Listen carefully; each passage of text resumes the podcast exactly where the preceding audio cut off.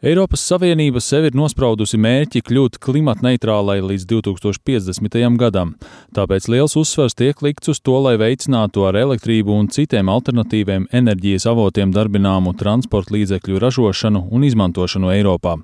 Politiķi vēlas, lai ap 2050. gadu Eiropā izmantotās automašīnas neradītu emisijas. Tā kā vidējais automašīnas mūžs ir 15 gadi, lai sasniegtu šo mērķi, jāsāk rīkoties jau 2035. gadā. Eiropas parlaments šonadēļ ar pārliecinošu balsu vairākumu apstiprināja likumprojektu, kas paredz, ka no 2035. gada Eiropas Savienībā nevarēs pārdot jaunas vieglās automašīnas un vieglos kravas automobīļus, ko darbina ar benzīnu un dīzeļdegvielu. Eiropas parlamenta transporta komitejas vadītāja Karima Delli norādīja, ka jaunu oglekļa emisijas radošu automašīnu tirzniecības aizliegums ir nepieciešams solis Eiropas Savienības ceļā uz ekoloģisko transformāciju. Atgādināšu, ka transports rada ceturto daļu no kaitīgajiem oglekļa izmešiem Eiropas Savienībā. Tātad izvēles nav. Šīm pārmaiņām ir jānotiek, un nozarei ir jāpilda sava loma un jānodrošina, ka līdz 2050. gadam mēs esam brīvi no oglekļa emisijām.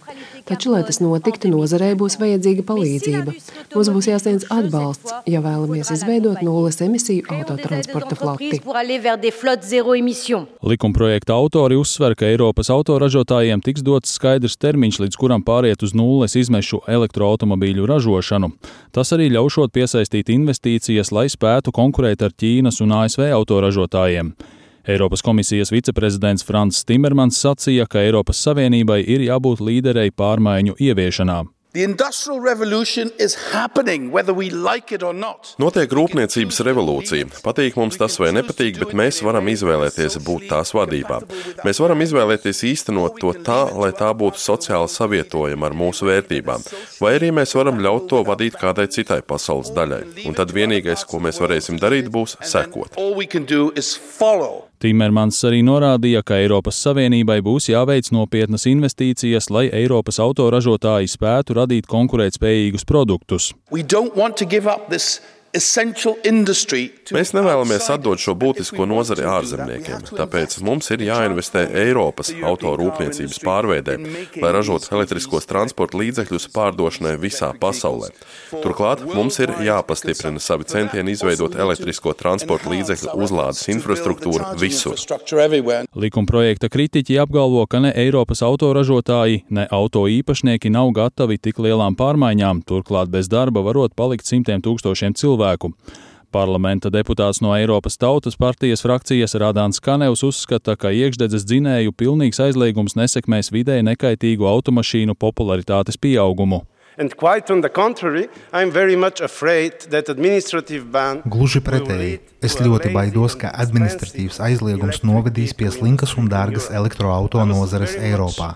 Man ir jāatgādina, ka mēs neizgājām no akmens laikmeta, jo mums beidzās akmeņi, un mēs no tā neizgājām arī tāpēc, ka aizliedzām akmeņu izmantošanu rūpniecības nolūkā.